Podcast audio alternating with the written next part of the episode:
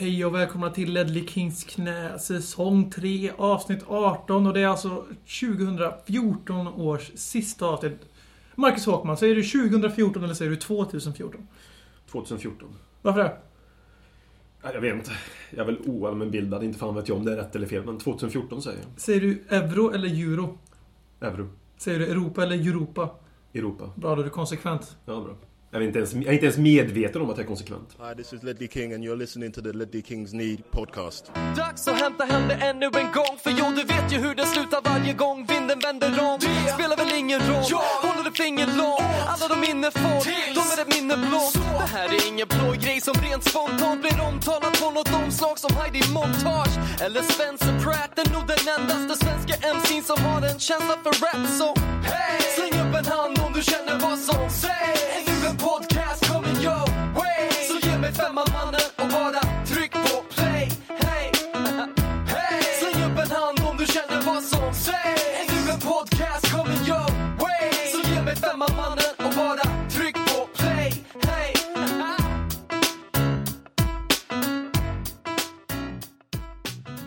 Tottenham kommer alltså av en vecka med idel matcher. Jag tror vi spelade ungefär 16 matcher på tre dagar eller något liknande här runt julhelgen och fyra poäng som kanske borde varit noll.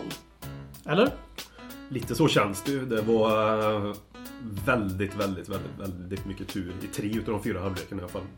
Och jag såg ju inte, nu är det för första gången, jag tror det är första gången i ett Ledley Kings knäavsnitt som jag säger det, men jag såg inte matchen mot Leicester. Jag stod på bortastå i Vänersborgs skithall i Vänersborg, som ni kanske förstår. Och så på bandy eftersom det var annandagen så jag fick följa matchen via Forza och eh, när Tottenham gjorde 2-1 så minns jag att jag kollade på statistiken och hade Tottenham skjutit tre skott på mål och Leicester 12 eller 9. Så du som har såg matchen kanske kan fylla i med lite matchbild. Matchbild jag såg den i efterhand till att börja med. Jag såg sista 20 minuterna live, sen såg jag någon repris.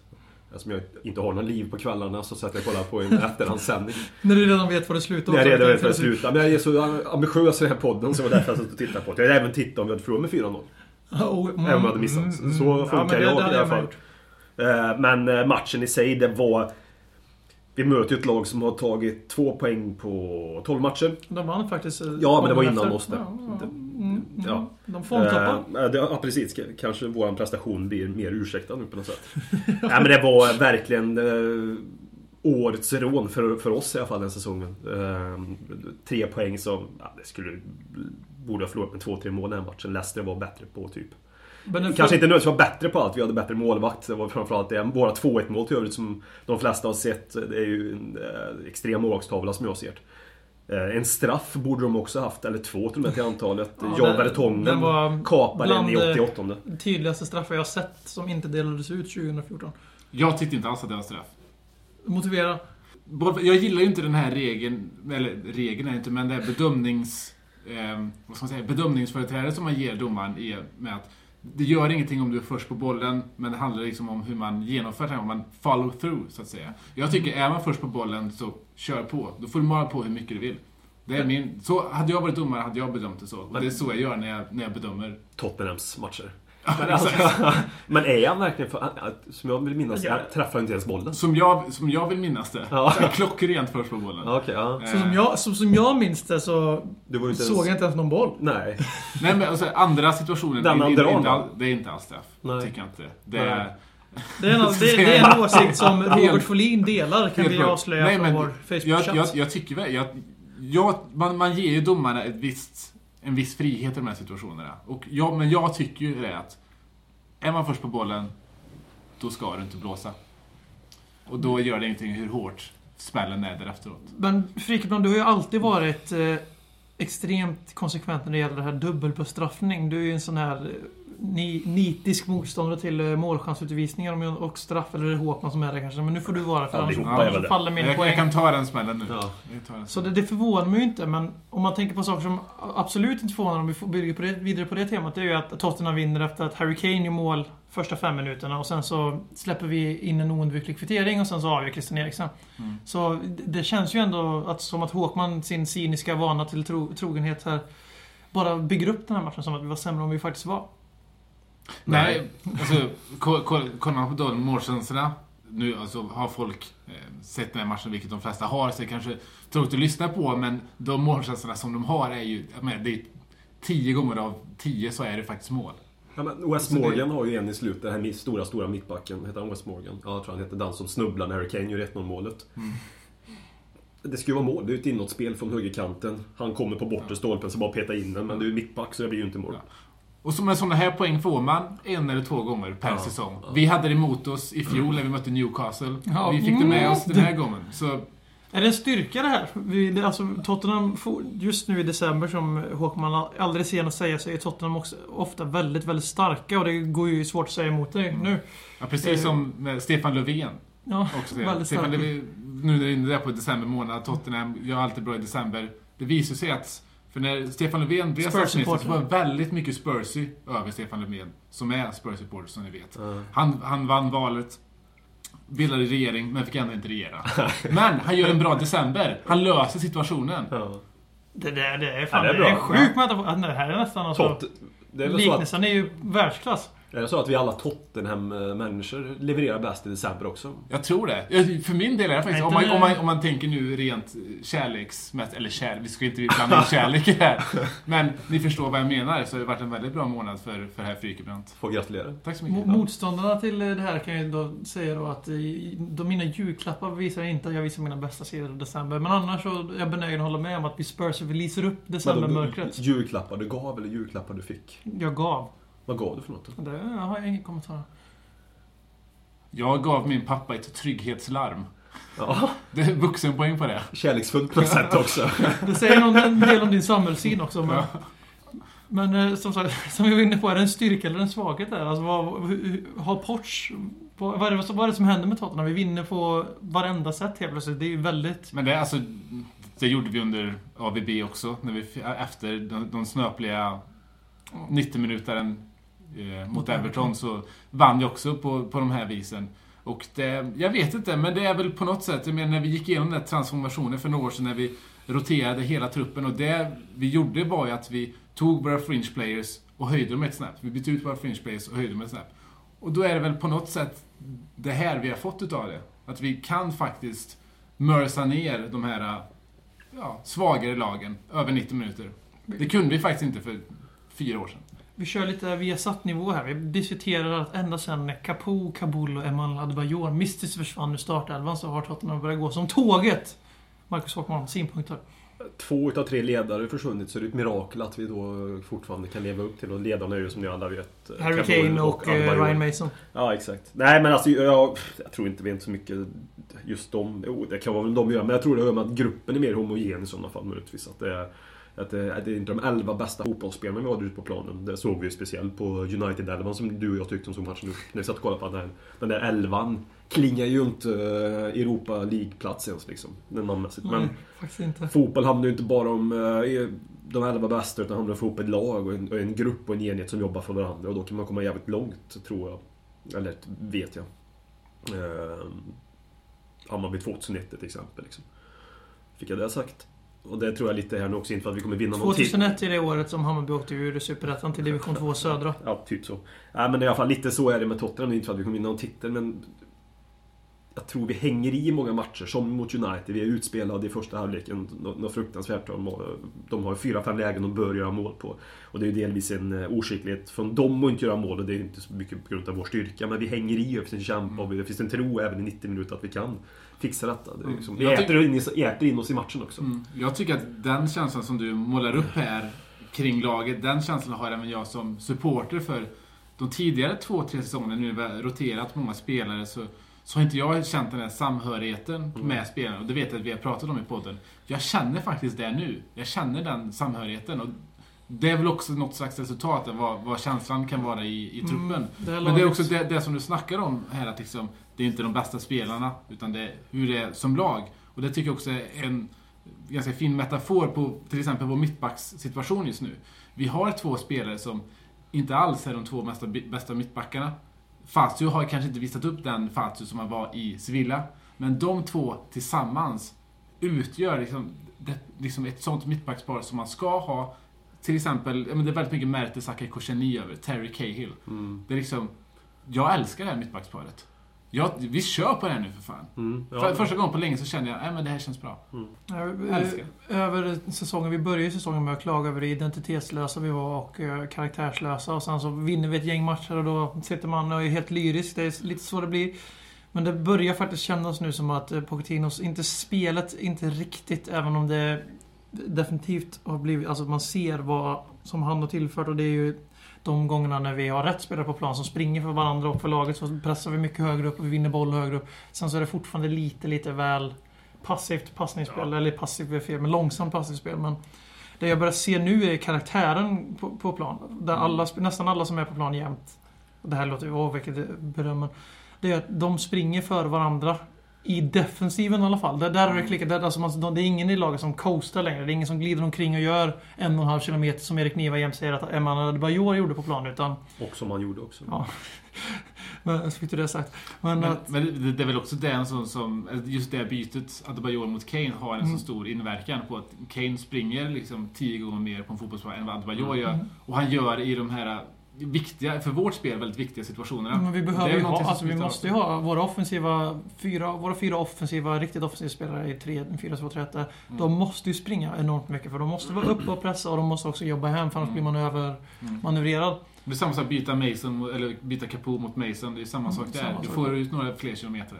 Men visst börjar vi få fram våran, en centrallinje nu i laget. Sen kan man väl tycka om kvalitet, men det är ju Loris, det är Fazio, det är Vertongen, sen är det Mason, Bentaleb och sen Harry Kane, Christian Eriksson och Harry Kane. Det blir liksom, de känns ganska opetbara i, i Pochettinos värld. Mm, ja, i alla fall väntade. Mason vet jag inte riktigt än. Han tror jag kan... Alltså, Mason är ju där i smeten för att han är en bra passningsspelare. Men såg du den senaste matchen? Han hade en passningsprocent på 58% tror jag var. Mm. Vilket för den typen av spelare är jävligt lågt. Och inte Oj, då undrar vara. jag hur mycket Windy Coy satt i veckor och klagade på hans passningsprocent som han gjorde Lewis Holtby i ett och ett halvt år. Mm, Windy, nu får du komma till försvar här. Ja, men han är ju han är engelsman, vet du. Det är klart Mason ska ha cred. Sen är kravbilden för oss har ju sjunkit lite grann. Nu är det ju inte eh, topp 4 och glamourspel varje match. Vi kanske, sen om det har varit kravbilden tidigare, men det har varit mer den som kravbilden den har nu. Ja, jo, det håller jag med. Och sen är det väl lättare att ta lite sämre resultat när man känner att de här spelarna bryr sig lite grann också. Man ser och känner att de bryr sig genom löpmedium, attityd på planen. Även om det kan brista i passningsspelet för Mason nu senast med 58%. Vilket Så är vet man ändå att. Det är väldigt, väldigt, väldigt dåligt. Men man vet någonstans innerst inne att man kan aldrig beskylla Mason för att inte bry sig. Mm. Han kommer han kom ju bry sig mer än någon annan nästan där ute, han Harry Kane. Och Men sen, vi har, men vi har sen ju... har man ju de här, vi hade tre stycken nu som har varit i klubben sedan de var 6-7 år som spelade. Eh, Det är Harry Kane, det är Ryan Mason och det är Andrews Andrews Townsend. Townsend. Mm. Säger man vad man vill om alla de där, men ändå, det, är ju ganska unikt ur mitt Tottenham-perspektiv när jag tittar tillbaka som jag kan minnas. Mm. Att vi har haft sådana extremt, det är verkligen egna produkter. Mm. Och du definierar varför, för det, vi har ju väldigt många som faktiskt faller in, som har varit Ja. tonåringar. Men om man verkligen ska ta ett steg Mm. längre och säga typ som att jag skulle spelat i min moderklubb resten, alltså jag började spela fotboll när jag var sex år. Mm. Då kanske man, vart började du spela fotboll när du var sex år? Kan ju folk tänka sig vart de som lyssnar på detta och tänker att du spelar där i A-lagsnivån. Liksom- Och sen på den här nivån, är bara kolla i andra klubbar. John Terry kom ju inte från Chelsea sen sex år. Han kom ju till han, han kom, ju- han kommer från West Ham typ när han var 10 år, 12 år någonstans. Så till och med John Terry, om man ska hårdra är inte ens det så säger. Chelsea. Och det är där också som, som Pochettino lever upp till det han skrev med i sitt CV. Mm. Och också som den personen vi har sökt väldigt länge. AVB kom med samma löfte, uppfyller Inte riktigt samma... Jo, men i- i- Han är inkluderat inte, de jag sitter, unga jag och sitter några utan resultat. så att han inte har riktigt samma... Han har inte riktigt samma kapacitet i den. Och nu kommer faktiskt en herre i Pochettino och lever upp till Mm. faktiskt 100% av de grejerna som vi ville se. Sen vill vi alltid se bättre resultat, men om, om, jag, om man bara får göra en så halvårsutvärdering av Pochettino lite snabbt, så är det ju exakt det vi ville ha och det är exakt det vi har fått. Ja men summera säsongen, det gjorde vi för, eller summera säsongen hittills sagt. Vi är två poäng från en fjärdeplats, vi ligger sjua, 31 poäng inspelade. Mm. Vi är semifinal i ligacupen, vi har gått vidare från eh, gruppspel i Europa League Mm. och möter Fiorentina i en Visst, att 32 då del pissar vi bort cupsegern, men... Och vi gör det med de här spelarna. Gör som man är med spelarna. Det går ju inte att vara annat än nöjd här och nu.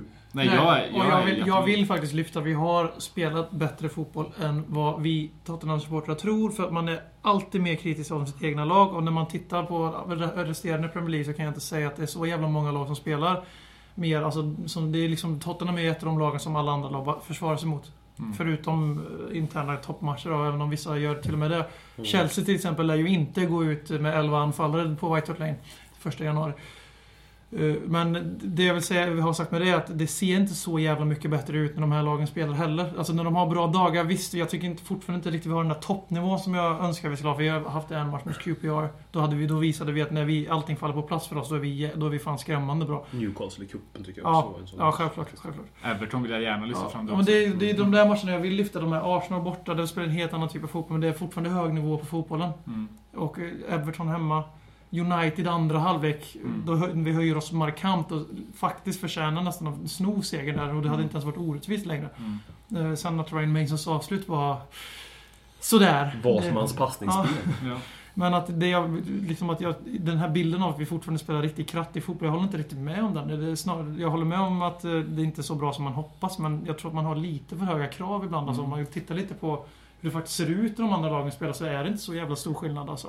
Nej. Jag tycker inte att Arsenal, som Håkman alltid säger, jag tycker inte Arsenal spelar så jävla mycket bättre fotboll än oss. Det, det vi gör vårt största misstag, det är, som, som jag även tyckte under AVB, som jag är lite besviken på att vi spelar nu, det är att det blir för grötigt Mm. centralt oftast. Att vi borde ha någon form av bredd. Och det man lägger ju väldigt mycket ansvar till våra ytterbackar när man spelar som vi gör. Att de ska komma fram, Danny Rose och Kyle Walker. Och det är kanske en friskare Kyle Walker kan klara av mer än vad Danny Rose Han eventuellt gjorde det mot Burnley, så då Ja. funkade det och klickade det. Så vi hoppas att det fortsätter nu. Ja, exakt. Det är väl det som är tanken, att de ska äga sin kant på något sätt.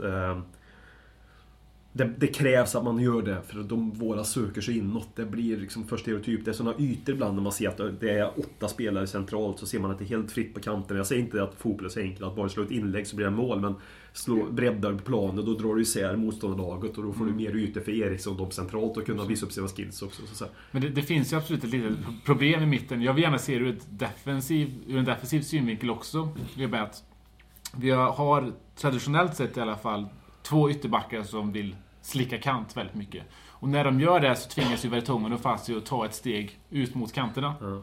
För, och det i sig är någonting... Alltså de måste göra det för att hålla balansen i, i, i laget. Men när de gör det, när en sån som Fazio går ut på kanten, som inte är speciellt snabb. Det är då vi öppnar upp oss så som vi gjorde mot Swansea. När Wilfred Bonny som... Han är en jättebra anfallare, så det går inte att säga så mycket om det, men det är då en sån som han kan gå rakt igenom vårt lag. Och det är då vi måste ha de här innermittfältarna som faktiskt kan stödja upp det här i mitten. Mm. Mm. Om du förstår vad jag säger. Ja, jo. Sen är det ju också, vi- eftersom vi eh, har, vi spelar med en anfallare, så slå in bollar i boxen är nog inte så jävla hjälpsamt. Jag förstår väl, det är dra isär motståndarlaget som är det viktiga, det är inte att slå in bollar i boxen. Men det, är ju, det som jag ibland undrar är att det blir ofta tränaren som får skulden för att våra spelare inte har den basic förståelse för fotboll själva. Att ibland dra isär. Man kan inte alltid Alltså man ska inte behöva alltså, detaljstyra sina spelare mot proffsfotboll. Ibland så önskar man att våra egna stjärnor på den här trean som ibland blir, eller väldigt ofta blir jävligt central. Och de tycker ju om att spela som varandra. De, det är så de väljer att spela. Jag har mycket svårt att tro att Pochettino säger ni får aldrig någonsin bredda men ni måste hela tiden in i mitten och köra triangelspel. Eriksen, Chadli och Lamela. För det tycker de är väldigt roligt och det är så de vill spela fotboll de här tre uppenbarligen. Men- För det, ibland så måste de ju själva se att det finns ytor. Det kan inte bara vara tränarna som ska säga att ni måste springa dit, ni måste springa dit. De måste ju fatta det själva. Tycker jag. Det, det, man, det ställs så jävla låga krav på fotbollsspelare ibland. Harry Kane springer ju överallt och ytor. Då måste vi kunna ställa samma krav på dem bakom. Att de ska ibland se att nu ska jag nog fylla på här ute. Harry Kane, medlem i Mensa. Är det den kopplingen vi ska dra till detta? Självklart. Nej men alltså det, det blir ju också så om ni spelar med den typen av yttermittfältare så att säga, som har en vänsterfot och en högerfot och spelar på motsatt kant. Då blir det naturligt om de söker sig inåt. För att antingen hit- hitta ett inspel från den sidan sett. Alltså det handlar, jag tror inte heller så mycket på det här inläggsspelet längre. Att man ska spela in och så nicka in och så ska Sir Les Ferdinand stå där och nicka in bollen i mål. Så funkar det inte riktigt längre. Man ska kunna ha det alternativet. Det är ju mest för att bredda liksom. För att skapa oro, ställa mer frågetecken, dra isär lag. Att kommer det ut en på kanten, då måste ju motståndarlaget också dra isär sitt lag. För man kan inte släppa honom helt där. För då kan man ju även skapa farligheter ifrån. Och så det behöver inte vara det traditionella inläggsspel. Man kan ju bredda och komma insmygna så som kanten. Man kan snett in och bakåt. Finns visar med iviga kroppsgester nu hur man kan springa här. Ja. För, alla ni podcastlyssnare. Ja, precis. Ja, men det finns tusen alternativ. Sen också det som, som Per sa där med, med eh, hur, hur våra ytterbackar får dra isär då när våra... När våra mittbackar får dra isär när våra ytterbackar kliver fram så att säga. Det blir ju problem eftersom jag tycker att våra innermittfältare, vår defensiva in- innermittfältare varit vår svagaste punkt under hela säsongen. Rent defensivt alltså. De hjälper ju inte till de här mittbackarna för fem öre. Och då blir det... Ja, det är ju därifrån vår, alltså då blir våra mittbackar, ser de mycket sämre ut vad de är egentligen. Mm. Eller har gjort under säsongen i alla fall. Precis. Capo, som jag och Per och andra också, men framförallt du då, som Ja. var man-crush där i Ja. förra året. Tyvärr är det så att jag inte varit så imponerad av honom, sett till den kravbild jag har på honom också. Personligen blir det lite grann så, Mm. den här säsongen. Han... Bentaleb kanske inte är riktigt mogen till att ta det 100% i ansvaret som en defensivt ankare där. Han hittar sig själv Eh, fortfarande. Han har nog inte riktigt bestämt sig om han vill va- vara den spelaren än, eller om han vill vara box to box eller om han vill vara lite off, mer offensiv. Alltså jag tror inte riktigt att när man är... Han har fyllt 20 nu i och för sig, men att jag tror inte riktigt han är... Det är nog inte helt spikat att han ska bli ett ankare för överhuvudtaget. För han är ju relativt begåvad med bollen vid fötterna Ja, men också. vi har ju inte så många så här tydliga def- Det är ju Nej, Capo men som är vår tydligaste defensiva Mm, mittfältare som jag ser det. Det är den tydligaste. Så fortsatt ge chansen lite för Mason Bentaleb eller Mason Dembele. Det är ju inga Ja. defensiva innermittfältare egentligen. Det är väl Stamboli som ska ta det. Ja, jo det är väl också en. Men han... Mm, ja. Men jag, jag håller med dig absolut. Jag tror att därför också jag tog upp det lite. För jag tror att lite, inte lösningen, men en faktor och kanske ett svar till att bättra på vår breddning av spelet kan faktiskt vara en stabilare defensiv centralmittfältare. Carl Henry i QPR. Sign him up. Nej,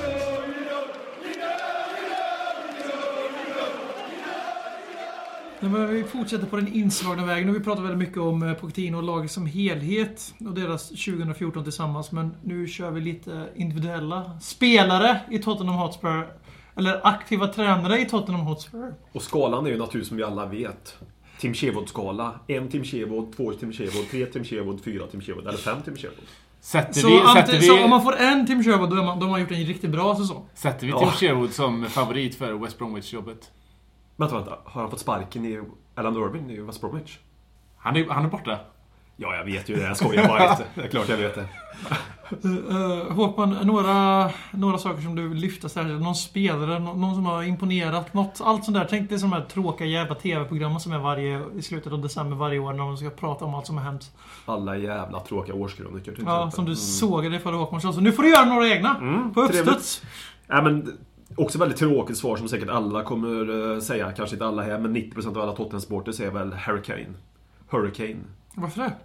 Eh, han är den mest positiva för mig den här säsongen. Jag har ju alltid sett honom som League One-spelaren i Leighton Orient. Ja. Fram till eh, tre månader sedan ungefär. du, jag, jag Friken, vi visste ju redan 2010 att det här var ju nästa, nästa Bale. Mm, ja, men jag vet. Ni har ju verkligen promenerat för att här har vi en riktigt upcoming man. Verkligen. Jag är imponerad av er. Jag har alltid försvarat honom. Ja, ja, ja, ja, ja. Nej, men jag lyfte fa- faktiskt, och jag får vara lite seriös, så förra Ja. säsongen lyfte jag honom som, som nästa Teddy Sheringham. Och att han skulle ha den där utvecklingskurvan. Det där får ni lyssna tillbaka på. För jag, vill, jag tror vi var rörande överens om i podden att han var League One. Jag tror verkligen, jag vill minnas att det var så. Men om jag ska vara eh, lite ärlig mot mig själv och andra nu så jag har ju heller inte sett honom som det solklara stjärnan. Men det var först eh, i Everton-matchen som han för mig blev Gareth Bale faktiskt. På riktigt, och då, då skojar jag inte ens. Han var, han, där och då var han Bailig och sen dess har han varit Bailig. Vill de till öl eller? Ja, tack gärna. Ja, ja. Lite glugg kanske. Ja. Nej, men jag, jag tycker väl att matchen Nej, jag fick ingen gehör alls där. Men jag, Alltså visst, nej, men jag kan ju förstå. Man måste bara liksom det, han hade jag menar inte att han är rivit i bästa- steget. Ja, jag, Om det menar, ja, jag menar inte att han är världens bästa spelare. Nej. Än. Än. Nej, det är bra att du säger än. För det. Men jag tycker absolut att han har potential till de kvaliteterna. Han har ju rivit i steget. Han har ju Absolut. kropps... Alltså fysiken också. Och han har flyttar- faktiskt de Han matchande försöker härma frisparkarna också. Ja, han, ja. Nej, men jag, jag kan förstå. Jag kan faktiskt förstå någonstans vart du vill komma med detta och se en poäng i det. Ja. Sen om, man kommer, sen om man kommer bli Gareth Bale bra, Nej. eller inte. Det är en annan Nej. sak. Men likheter i... Vissa likheter Mm. I hans sätt att röra sig där ute. Och när vi... När, det du, när säger, vi du, väl... är- du säger att han kommer också plastikoperera sina öron och ha mycket, ett stylad frisyr, skapa ett marknadsföringsmärke Det- det är och mycket bli HK37 nästan. Det är mycket, 18 det är mycket, nu. mycket mer jobb att göra på det ansiktet än vad det var på Gareth Bales ansikte. Kan vi först och främst konstatera. Men vem trodde att när vi värvade Lamela att det var Harry Kane som skulle bli vår nya Gareth Bale? För kan vi inte i alla fall enas om att Harry Kane är vår nya Gareth Bale? Det kan vi väl enas om? Nej. I dagens trupp ja. Ja. ja. Christian Eriksen. Jo, men Nej men inte Eriksen- sett till spelartyp. Nej, men sett till att göra det som var talisman och göra sena mål och avgöra matcherna när vi inte förtjänar att vinna. Det känns Christian Eriksen. Sen, Ja, det är för att han får ta frisparkarna. När är- Kane får ta frisparkarna, då sätter han ju också. Jag helt utan hjälp av Aston Villa. Ja. Men det var menat. Ja, ja, hallå, det är ingen som ifrågasätter ens. Nej, nej, nej. Nej, men eh, Lika mycket som menat med Ryan Mason och nicka bollen i stolpen på det var menat. Det vet vi alla att det var menat. Det var Mason och Kane, de vet. De vet grabbar, de vet. Nej men alltså jag tycker, jag tycker fortfarande att Harry Kane oftast, jag, jag har så svårt, jag fattar inte att han är så jävla bra. För han är, det går inte att komma ifrån att han är bäst förmodligen, för han är bättre på planen än vad Christian Eriksen är. Sen att Eriksen gör lika mycket poäng så är fortfarande Kane den som är bäst på att spela fotboll av dem just nu. För Eriksen är ofta jävligt osynlig, tycker jag. Mm.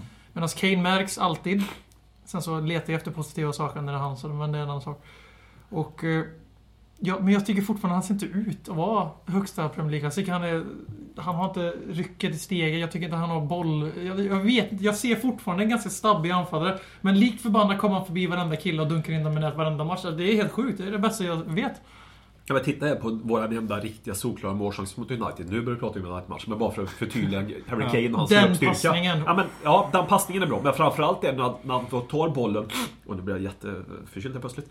Tar bollen och löper en 30-40 meter och de, de sjunker ner hela tiden, eh, United. Då har han drivet i steget där. Just, just det drivet i steget med bollen. Och han har fysiken också, när han gör. Så han, ja. Han är Bailig helt enkelt. ja, ja, ja. I agree. Ja, alla är eniga. Harry Kane, säsongens komet. Det var ju en stor skräll. Eh, Ska vi ta motsatsen då? Säsongens... Vad fan är motsatsen till komet? Får jag bara säga en till komet? Nej, det finns bara en säsongens komet. Nej, det, är ju finns fyrverkeritider nu. Ja. Så vi, men en som har verkligen överraskat på mig lite grann. Det, Tänker du säga Ryan Mason nu? nej, det tänker jag inte göra. Jamie O'Hara liksom. Nej, men det är som högerback Vlad.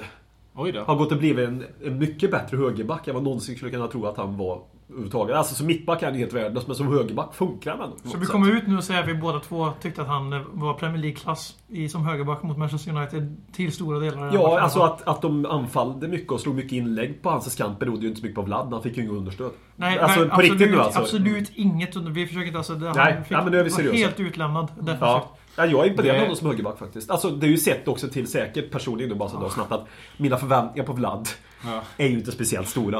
om man säger så. så jag det, det är lätt för mig att bli imponerad utav korten. Åh, en bra passning. Det, jag har ju oftast eh, försvarat just Vlad. Men Ja. i den här situationen så är det faktiskt helt ombytta roller för dig och mig. Ja. Du som sitter och hyllar Vlad och jag som vill sänka honom lite. För Vlad är ju verk... Med de mittbackarna vi har nu, speciellt också när Fazio är den till höger, så är vi i mycket större behov av en, en kvick jävel där. En Jedlin, en, en Walker. Jo, jo, jo, absolut. Och, ser- och, då, då, då tycker jag, då, då det, i, i, mina, i mina ögon så blir då Kiriket, Kir, Kiriches, Kir, Kirkes. Kirikes. Försök mig inte ens på.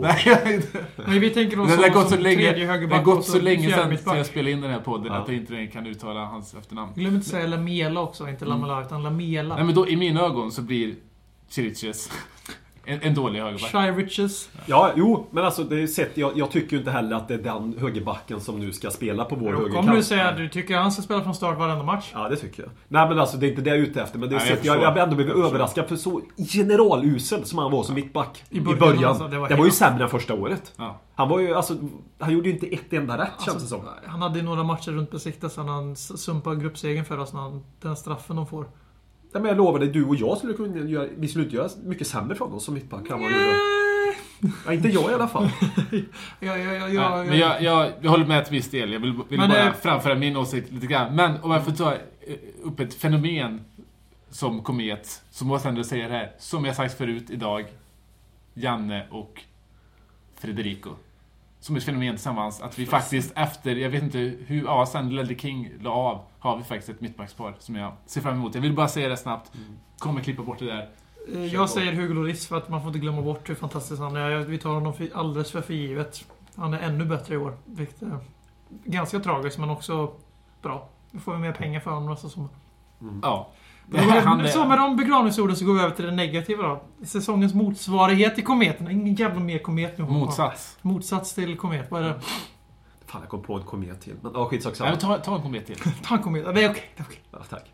Fan, jag är ju så optimistisk om igen så jag bara ser ju bara... Ben Davis tycker jag som vänsterback. Ja, den, ja, den var bra. Den var, den var fan, han, jävlar vad han har tagit till sig de senaste. eh, började inte heller sådär jätte, jättebra tyckte jag i Tottenham. Men sen Rose har gått åt sidan. Först var det på grund av skadan. Så tycker jag Ben Davis har sett eh, ja, bra ut faktiskt. På Chelsea, mot Chelsea, vem väljer du helt Ja, enkelt? Davis. Ja, samma här. Så det, han, han har tagit, tagit... För Rose började starkt att vara landslagsmässig enligt Roy Hodgsons Ja. standard, så det är inte så högt. Men Nej, jag, nu, Davis har gått om igen. ja, jag, tyck, jag tycker också Rose säsongstart var ju mycket bättre än föregående år. Det är ju också det för att han får någon att konkurrera med någonting. Det är överlägset hans bästa säsong Spurs. Ja, Och det, det var ju bevis på det vi faktiskt sa i fjol att det som vi behöver är kanske inte en vänsterback som ersätter Den Rose. Det vi behöver är en vänsterback som kompletterar Och som är olika, som är ungefär samma åldersspann så de kan Ja, lära sig av varandra och precis. trygga varandra i flera år. Ja, men, Så årets. Adebayor, årets Adebayor förutom Adebayor. Det behöver, behöver vi ta någonting? Behöver vi säga någonting om varför man Adebayor är årets Adebayor? Nej, för, att han, för att han är Adebayor. för att han bara har sex månader kvar på kontraktet nu. Och för att han bara har... eh, Inte bara, alltså nu så, han har haft jävla massa krångel utanför planen, men han har inte varit bra på planen heller. Man är ju Det vill Nordisk jag- korp. Ja, Krångel verkar ju förfölja honom också. Så jag Ja. menar, ja. Det kan man ju lugnt uttrycka. Så kan man ju milt uttrycka det. Alla har ju krångel, det är bara hur man hanterar ja. krånglet. Jag menar, Men, mitt, eh, mitt liv 2014 har inte varit en dans på rosor alltid, men jag... Nej. Ja. Jag, det- fan, jag gnäller fan inte! Det är Juju. Juju, Juju. Alltså beskyller morsan för det kanske. Läs på vår, eh, på, på vår Facebook-sida, Ledlekins knä, om Håkmans... Ja. 2014. Din årskrönika. Nej, Ja, men, eh, precis. jag tycker nu, om nu kommer jag låta som en riktig Bagdad-spurs här, men så kan, jag, så kan man inte säga. Vad fan, någon motsvarighet till Bagdad-Bob, någon som bara jag säger det. Jan Björklund. AVB. AVB. Stefan Mm. Freund. Ja, Stefan Freud, där hade Ja, han. där har vi det. Jag sitter här som värsta Stefan Freud, men jag tycker inte det är så jävla många som har varit verkligen dåliga.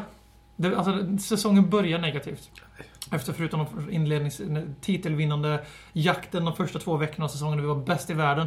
Men eh, de som verkligen varit dåliga, alltså sådana som inte har motsvarat mina förväntningar, det är Etienne Capoe och Emanuel alltså Jones Kabul. Det är de tre. Alltså jag har inga höga förväntningar. Kabul faktiskt. Jag glömde faktiskt bort De, men det är de här, det- the infamous three liksom. Men jag har inte högre förväntningar på Andrews Townsend. Jag förväntar mig att han ska Vi- vara... Ja. Vi, vi snackade ju om utsedd. precis innan vi gick in i den här lägenheten som vi spelar in nu att det känns svårt nu när vi har det mittbackspar vi har att tänka tillbaka på de matcherna i början av säsongen när vi hade Vlad och Kabul som mittbackspar. Tänk att vi har haft Jag sa till och med, vänta, de spelade ihop i fjol och bara. Per, de har spelat ihop i år också. Jag bara, oh fan.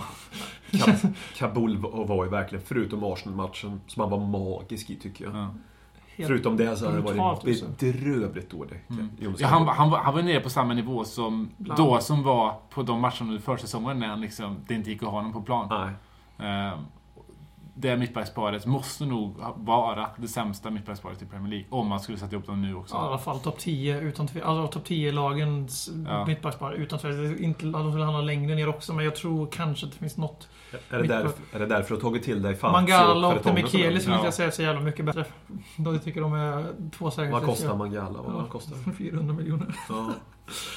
Porto kan. Ja, Då, det kan de. Men eh, som sagt, jag har, alltså, Anders Townsend blev, många tyckte han var jättebra mot United sist. Jag tyckte han var definitionen av medioker. Hade det varit eh, hans konkurrent på den platsen som spelat den matchen blev sågad efter fotknölarna, nästan med all rätt. Men jag har liksom inga högre förväntningar på honom så jag tycker inte han har varit dålig. Jag tycker han har varit okej. Okay. liksom, det är likadant. Eriksson gör mycket poäng och mycket mål. Amela gör mycket poäng. Men jag tycker de kan ju definitivt höja sig. Eriksson börjar ju kicka igång. Chadli gör också mycket poäng, men det, han kan också höja sig. Men jag är inte missnöjd med någon. Förutom de här Infamous 3, de är jag missnöjd, väldigt missnöjd med de tre. Sen så tycker jag vi- de flesta gör det helt okej i laget. Det är bara att det är ganska mellanmjölk. Det är, ingen, det är bara Kane som sticker ut ordentligt. Just det med Anders Townsend. ehm, Och vi vet alla att du har alltid varit en förespråkare för honom, att han Mm. är bäst. Ja, jag var precis engelsk landslagsman och allt det där. Uh, nej, men Igår när jag jobbade så kom det en unge som besökte Fritzgården som hade sett Tottenham mot Manchester United och frågade mig vad högerkantspelaren ni hade mot United. Jag har inte sett den förut. Ernest Townsend? Ja, ja, ja. ja. Jag tyckte han var riktigt, riktigt bra, sa han. Wow. Eh, Jag vet inte om det var min uppfattning under matchen. Det är kanske du och jag som har fel, eller vill jag komma till? Ja, men han det- fick, det- det mycket beröm under det matchen, förstår jag menar? Det var det jag ville det, komma måste, till. det måste vara du och jag som... För jag såg det inte. Jag, vad Ja, gjorde inte jag heller. Han lämnade Vlad helt ensam. Tog ett helt idiotiskt gult kort. Alltså, det, alltså kan någon förklara den tacklingen bakifrån på Ashley Young? Med mitt, alltså, det, Perfekt tackling tycker jag. alltså jag brytning. älskar det, jag tycker om när de. Men Karaktär liksom.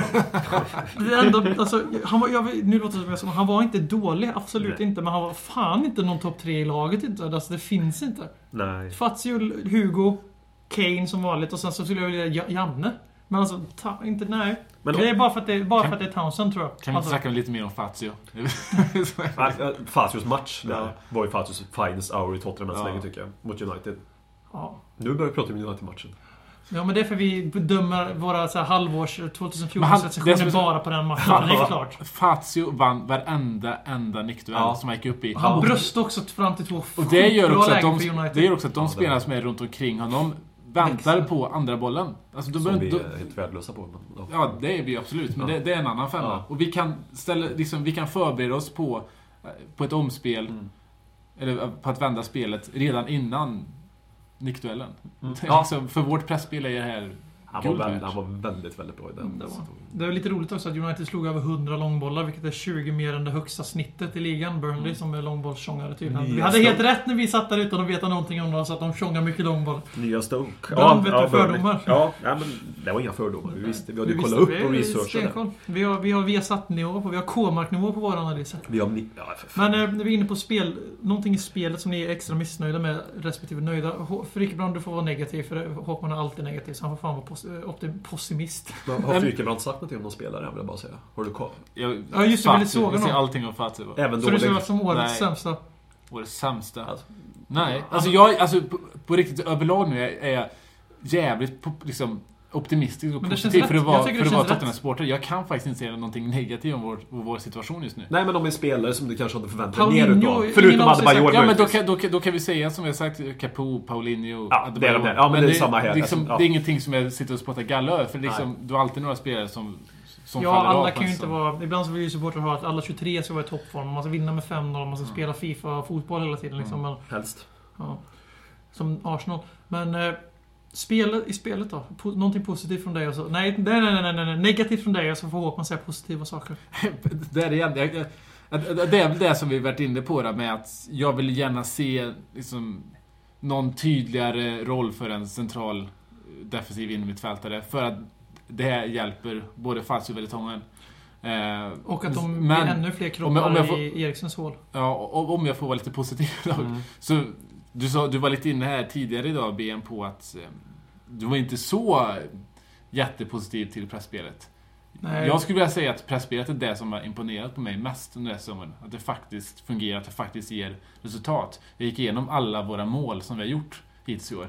Och eh, nu överdriver jag, men jag tror säkert att runt en, hälften av de målen kommer direkt från att vi har liksom vunnit tillbaka bollen på offensiv planhalva. Många av målen vi gör i stormatcherna Mm. mot Arsenal och Everton bara Mm. toppar med. De två, det, det är ju det så typiskt där vi vinner boll bara några meter utanför straffområdet. Mm. Pang, pang, mål. Ja. Och så, det- vill, så vill jag det se ut Och, och ofta. pressspel, alltså en, en, en tränares liksom signum tar ju väldigt lång tid att arbeta in. Men det är någonting som Pochettino lyckas med och som faktiskt är det som ger resultat. Och som faktiskt är det som har gett oss de här sena målen och de här sena poängen. Jag bör- Optimistiskt nu då. Optimistisk, men jag börjar med negativ. Jag vill bara säga att vi har gjort väldigt lite mål på hemmaplan kan jag tycka. Eh, Lite mål överlag. Lite mål överlag, men specifikt på hemmaplan. Eh, Borta, borta mål förväntar jag mig inte samma utsträckning som på hemmamål. Eh, Men det optimistiska, det är, ju- det är ju det som har vuxit fram den sista månaden, sista två kanske månaderna. Att, som vi också varit inne på tidigare i, i detta avsnitt. Det är att det känns som ett lag och det känns som en, som, en, som en grupp som vill springa för varandra, som vill jobba för varandra. Och som kan växa. som, Om ja, man skjuter in... Ja men exakt. Och det är väl framförallt det, är framförallt det som jag känner. Och det, det tror jag har att göra mycket med... Jag, jag tror sånt där har mycket att göra med tränare. Eller tränarstaben möjligtvis. Det är inte bara Pochettino utan det har ju med alla andra ledare ja, ja, som ja. finns runt omkring. Att de har tagit bort några personer, inte bara för att fastna i Bajor-spåren nu kanske, men även kanske Kabul som kanske inte riktigt är den optimala ledaren. Jag vet inte, men de har tagit bort lite, lite typer ur det här Men det är laget. ju tydligt. Det är ju Capo, Kabul, Adebayor och även Lennon som Ja, försvinner. Och det Precis. måste ju ha någon typ... Alltså det Jag måste tror- finnas någonting bakom det. Ja, absolut. Och, då, och det känns som gruppen har, har vuxit. I alla fall den känslan man får när man tittar på matcherna. Ja, och, det, och det är inte för att jag tycker att vi nödvändigtvis är så mycket bättre rent spelmässigt den sista Men vi är tiden. inte sämre utan våra stjärnor och ledare. Nej, precis. Och vi, vi, de andra spelarna växer. Alltså det blir en... det är lagsamordningar, det känns som Pochettino också jobbar på rätt spår där och att de, verkligen har accepterat det som sades att de inte accepterade innan hans tränarfilosofi och hans hårda träning. Det känns som att det finns en eh, ja, enighet inom laget och det gör mig jävligt glad och då finns det en framtidstro på detta. Det är lättare då om det finns en enighet, att klubben är att klubben är villig att jobba för varandra. Att köper in två spelare, då är det lättare för dem att rätta in sig i ledet. Så att säga. Om, de, om det är en standard som är satt. Det är en grupp som accepterar tränaren. Det är en grupp som du förväntar dig detta utav. Och så kommer det in några nya, då är det lättare att de hakar igång på det. Eh, Och det inte blir revolution fort det kommer en ny tränare. Och de som har tagit steg framåt då är ju också de som är narkomaner till den träningsstil som Ja. Pochettino representerar. Kane, Mason och så vidare. Hoppas då att vi köper spelartyper därefter också. Spelare som är villiga att ta det här jobbet. Alltså man kollar in att vi- börjar sätta rekryteringen. Att det finns en röd tråd i att eh, värva spelare också därefter nu. Unga, formbara, löpvilliga. Det måste inte vara ungt, men Nej, det måste det inte vara. Men att du har, att du har det eh, ja, lagpsyket, så att säga. Att du, ja, my- mycket kan man ju beskylla våran eh, eventuella rekordvärvning. Var det, är det 800 000 pund mer än Soldado? 25,8 versus 25? Något sådär. Det är 30, det är ju euro. 30 miljoner euro. Euro. Ja, förlåt. Euro. I Europa. Nej men alltså, det, ja, det jag, jag ser när Håkman sitter och säger det här om, förutom Harry Kane som är det givna exemplet på någon, så han springer ju mer än vad centrala mittfältare gör, den pojken. Och eh, 13 km per match är imponerande, men som, som, som Lamela, som eh, Lamella, Lamela, Lamella. Han eh, är ju kanske inte den spelare man tror, men han springer ju för laget konstant. Han är alltid högt upp och pressar, han är nere och glidtacklar vid hörnflaggor och han, han kanske inte får ut så mycket av sitt spel som vi vill. Men det går inte att beskylla honom för att inte ha lagsug, som du kallar det. Och det tycker jag symboliserar den här gruppen. För det finns liksom ingen som, som vi var inne på, det är ingen som glider runt längre och glider på andras bekostnad. Sen kan man alltid förvänta sig att vi ska få ut mer i offensivt kapital, göra lite fler mål. För vi har, det är ofta back against the wall, ett mål i 85 vi leder med och det blir svettigt och det blir darrigt. Vi springer liksom inte ifrån så ofta. Men det går liksom inte att, som sagt, det går verkligen inte att beskylla det här, den här gruppen när, man har kapat ormen. Så finns det liksom inga, det går inte att beskylla den här gruppen för att inte slita. Och det gäller alla, till och med liksom Eriksen och Lamela som ska föreställa vara divorna och stjärnorna liksom. Mm. Jag säger inte att de har den karaktären annars, men, Nej, men- det är spelartyperna som Ja, ofta blir beskyllda för sånt. Exakt. Det är den där jävla Loris som inte springer så mycket. Talkman show, Talkman show, Talkman, Talkman, Talkman show. Eh, jag har suttit här och rannsakat mig själv de senaste avsnitten och jag har börjat komma ifrån min identitet och den jag egentligen är. Någon optimistisk våg som har följt alltså sköljt över mig själv. Eh, jag ber om ursäkt. Eh, Både till mig själv, att jag inte är mig själv och till de som eventuellt mot, mot någon förmodan skulle tycka att jag blev för optimist. Och så har jag blivit. Jag vill bara säga att egentligen Tottenhams Tottenham säsongen än så länge är egentligen en, en besvikelse för tempot i spelet är värdelöst. Uh, Vi har inget ytterspel. Vi går inåt, det blir alldeles för grötigt. Vi gör alldeles för lite mål på hemmaplan. Eh, uh, Det är mittbackar egentligen som är seger. Jan Fretongen är fortfarande lika nonchalant som han alltid har varit i alla jävla säsonger. Fazio, dålig på fötterna, möjligtvis bra på skallen men inte så mycket mer än det. Eh, Danny Rose går, går runt fortfarande i såna jävla t-shirtar som han hade på sig i somras där med någon eh, hm tjej på. Eh, Kyle Walker, Ja, han må hänga i min bil men det är väl det enda ställe han egentligen håller någon form av nivå som någon eh, form av Wonderbound där. Det är väl enda hans sätt som... Det är när, mer... Han har aldrig gjort mig mer glad än det. När han fått bilen att lukta gott. Annars har han varit en besvikelse. Eh, det enda egentligen som jag ska fortfarande vara nöjd över det är ju Bentaleb. Och anledningen varför jag är nöjd över Bentaleb det är ju för att guden Tim Sherwood gav oss Bentaleb. Tack. Talkman show, Talkman show, Talkman, Talkman, Talkman show. Ja, då var vi tillbaka till det äls- älskade segmentet, i alla fall för min del. Frågestunden, eller freakshow som jag också kallar den. Jag vänder mig direkt till vår Facebook-feed för att kolla in de senaste frågorna. Och jag, jag väljer en fråga som jag tycker väldigt mycket om. Jag ställer den till dig Håkman, men den är ställd av Filip Tyberg som frågar han säger, ni får plocka en gratis spelare från ett lag på plats 15 och neråt i tabellen. Vem väljer ni? Jag väljer Yannick Bolasie från Crystal Palace. Okej. För där har vi en, yt- ytter, som jag, som jag pratade om tidigare, med lite fart och eh, har ett bra skott, kan skära in och kan slicka kant. Samt fick Och är bra, och är bra att en mot en spelare. Du? Och uh, körde över Erik Dyer till till den grad så han sparkade av sin egen tå för att slippa spela i Premier Ja. League. Han är en väldigt... Nej, men det är en spelare som jag tycker är bra på riktigt, faktiskt. Jag säger att det är synd att Aston Villa ligger på 13 plats i skrivelsen. För annars hade Fabian Delph eller Christian Benteke då, givetvis. Den är, Benteke, om de, om jag inte får ta han får jag väl ta han, den, han, eh, den där Adel Tarat i QPR. Jag tänker då också ta en QPR-spelare. Jag tar Nico Kranjčar. Mm, ja, jag det tror jag att vi, vi har nog bättre honom. än dig Håkman. Vi Ja. har, vi har tagit bättre kvalitet. Vi tar kvalitet utseendemässigt och... Ja, inte, inte fotbollsmässigt i alla fall, men utseendemässigt i alla fall. Harry Redknapp sa ju visserligen att han kunde springa mer än Adel Tarabt, han har ju sagt här. Och vi vet ju, säger Harry Redknapp en sak så är det ju så. Ja, det. oh ja, mm. Absolut. Trovärd, trovärdigheten själv. Kenneth Henriksson frågar Kul med egna produkter som tagit plats i första elvan. Vilka är nästa att ta det steget? Var frågan om vi tycker det är kul eller inte? Nej. Nej, men han frågar Nej men jag, men, jag, mitt svar på den frågan är nej. Du tycker inte det är kul? Nej. Men vem tror Jag är nästa? ha, jag vill ha 11 spelare från um, Uruguay. Vem är nästa spelare att ta steget? Luis Su- Suarez. Nej, Harry Winks möjligtvis. Eh, Jag vet att det, det finns ett gäng. Velkovic, för guds skull. Velkovic eh, spelar ju på positioner som vi behöver. Eh, spelar in Middlesbrough nu va, på lån. Han kommer tillbaks. Eh, han- Jag tror det var bara ett så här halvårslån, så han kommer väl tillbaks i januari. Han är jag spänd på. Han är i samma årskull som eh, Nabil spelar CM och D CM, vad fan, mittfältare och mittback.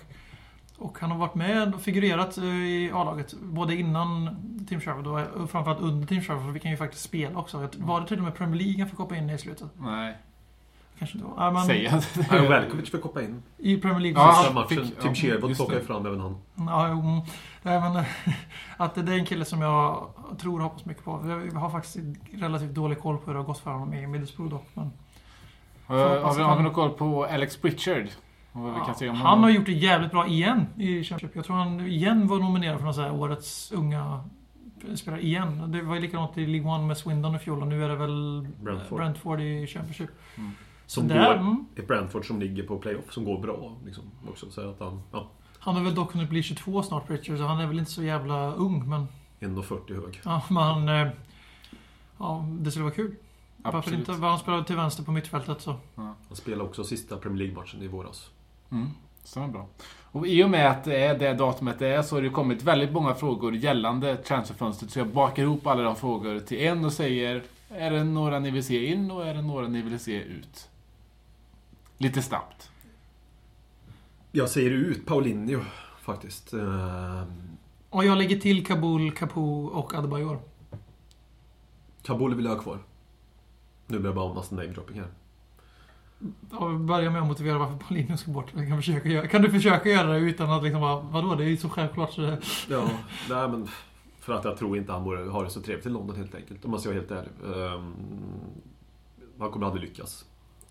Alltså, det finns Och det är inte bara Nej. byggt på fotbollskvalitet. Jag tror jag, aldrig har han inte stoppa det. Tror jag till stor del har att göra med att hans livssituation i London inte är optimal för honom på något sätt. Det är min... Alltså. Och du vill behålla. Kabul, varför? Eh, för att vi behöver mittback. Jag vill inte se Vlad som nummer tre. Dyer som Som nummer tre. Ja, Och Vlad jo. som nummer Ja, fyra är och sant. nummer tre till höger. Ja. Jag vet inte. Nej, jag, ja. Frickman, du får avgöra här. Ska Kabul stanna kvar eller gå? Nej, han ska stanna kvar säsongen ut men sen är frågan Kabul blir kvar. Men vi behåller kvar Kabul, Capo, Adebayor och uh, Paulinho. Är vi överens nu? Nej. Inte? Nej. Det blir en ganska tunn trupp om vi ska släppa alla dem. Så jag säger Kör på som det är. Men alltså spontant, vi behöver inte. Jag bara säga, vi, vi har ju ingen panik. Vi måste köpa en spelare. Så känner inte jag inför detta transferfönster. Nej. Nej. Det här är första gången på länge som jag inte har en önskelista på varken in eller ut. Nej, men alltså, skulle hypotetiskt vi bli av med Adebayor. Alltså att vi skulle bli av med hans lön när han åker någonstans där han kan spela fotboll. Då möjligtvis vi kan köpa in en tredje anfallare. Jag ser inte något nödvändigtvis att vi måste köpa in en dyr, dyr anfallare. Men bara för att få in en tredje fiol någonstans där. Eh, För satsa på Harry Kane och Solade, det duger liksom under, under våren på alla sätt. Som jag ser det. Inte att vi, ja, vem det skulle vara. Det skulle ju vara på något sätt att det var fint att kanske få Gary Hooper nu som tredje fiol där. Eftersom han också har en Tottenham-boy från början så att säga. Eh, Så har vi ytterligare en där. Nej, men jag håller med. Alltså, jag, jag vill bli av med de här spelarna för att jag tror att det ligger någonting i rykten om att de... eh, det var som inte revolt är för hårda ord, men att de inte riktigt har köpt Porsche och eh, att de är mer, de är ju mer eller mindre isolerade eller tvärpetade i alla fall. Så, ja, så att eh, ja, de får gärna försvinna av det skälet. Sen så tror jag det blir svårt att hitta köpare. Uh, Paulinho, varför är det ingen idé att ha kvar överhuvudtaget? Så han först och främst de andra, om det finns intressanta. Sen jag tror inte vi får så jävla tunn trupp. Vi har väl uh, maxanmälda nu och då har vi ett gäng som är, plus ett gäng som är, inte behöver anmälas på grund av ålder. Så att jag tror att det, det är lugnt. In så behövs det ingenting om inte det ska vara kvalitet och då snackar det vara Schneiderlin eller Benteke, den typen av värvning. Inga, inga jävla truppvärvningar, det behövs inte. Och med de orden så avrundar vi 2014 års Ledley Kings knä med en nyårshaiku av Herr Berg Mattsson. Blå himmel, stark sol. Midsommarstången lutar. Havsvattnet kallare. Hi, this is Ledley King, and you're listening to the Ledley Kings Need podcast. Dags att hämta hem det ännu en gång För jo, du vet ju hur det slutar varje gång vinden vänder om. Det spelar väl ingen roll, håller ett finger långt Alla de minne får, de är ett minne blått Det här är ingen blå grej som rent spontant blir omtalat på något omslag som Heidi Montage Eller Spencer Pratt, är nog den endaste svenska MC'n som har en känsla för rap Så hey! släng upp en hand om du känner vad som sägs. Ännu en podcast